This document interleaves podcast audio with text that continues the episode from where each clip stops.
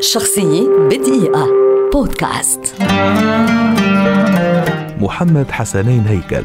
صحفي كاتب ومحلل سياسي مصري ولد عام 1923 ويعد واحدا من أشهر الصحفيين العرب عبر التاريخ. فقد ساهم في صياغة السياسة في مصر والعالم العربي منذ عهد الملك فاروق. درس الصحافة ومن ثم مارسها بشكل ناجح جدا فور التحاقه بجريدة الإيجيبشن جازات إذ شارك في تغطية أحداث الحرب العالمية الثانية في مراحلها الأخيرة. تولى منصب رئيس تحرير مجلة آخر ساعة ومدير تحرير جريدة أخبار اليوم. ثم عين رئيس تحرير جريدة الأهرام واستمر في هذا المنصب لمدة 17 عاما. واستطاع في هذه الفترة أن يجعل جريدة الأهرام من أكبر وأشهر عشر صحف في العالم. كما تولى خلال مسيرته مناصب سياسية ووزارية وكان على علاقة قوية جدا بالرئيس الراحل جمال عبد الناصر. صدر لمحمد حسنين هيكل العديد من الكتب في مجال النشر الدولي وتم ترجمتها إلى حوالي 30 لغة حول العالم ومن أبرزها خريف الغضب الطريق إلى رمضان وأوهام القوة والنصر.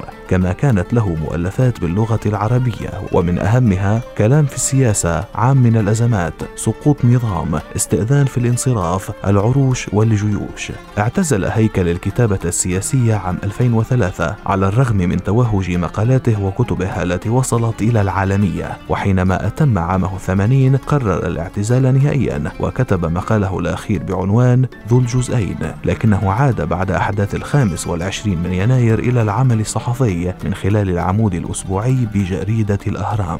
عام 2016 بسبب قصور كلوي رحل محمد حسنين هيكل عراب الصحافة والإعلام في التاريخ العربي هو الذي وصفته صحيفة نيويورك تايمز بكبير المعلقين السياسيين العرب.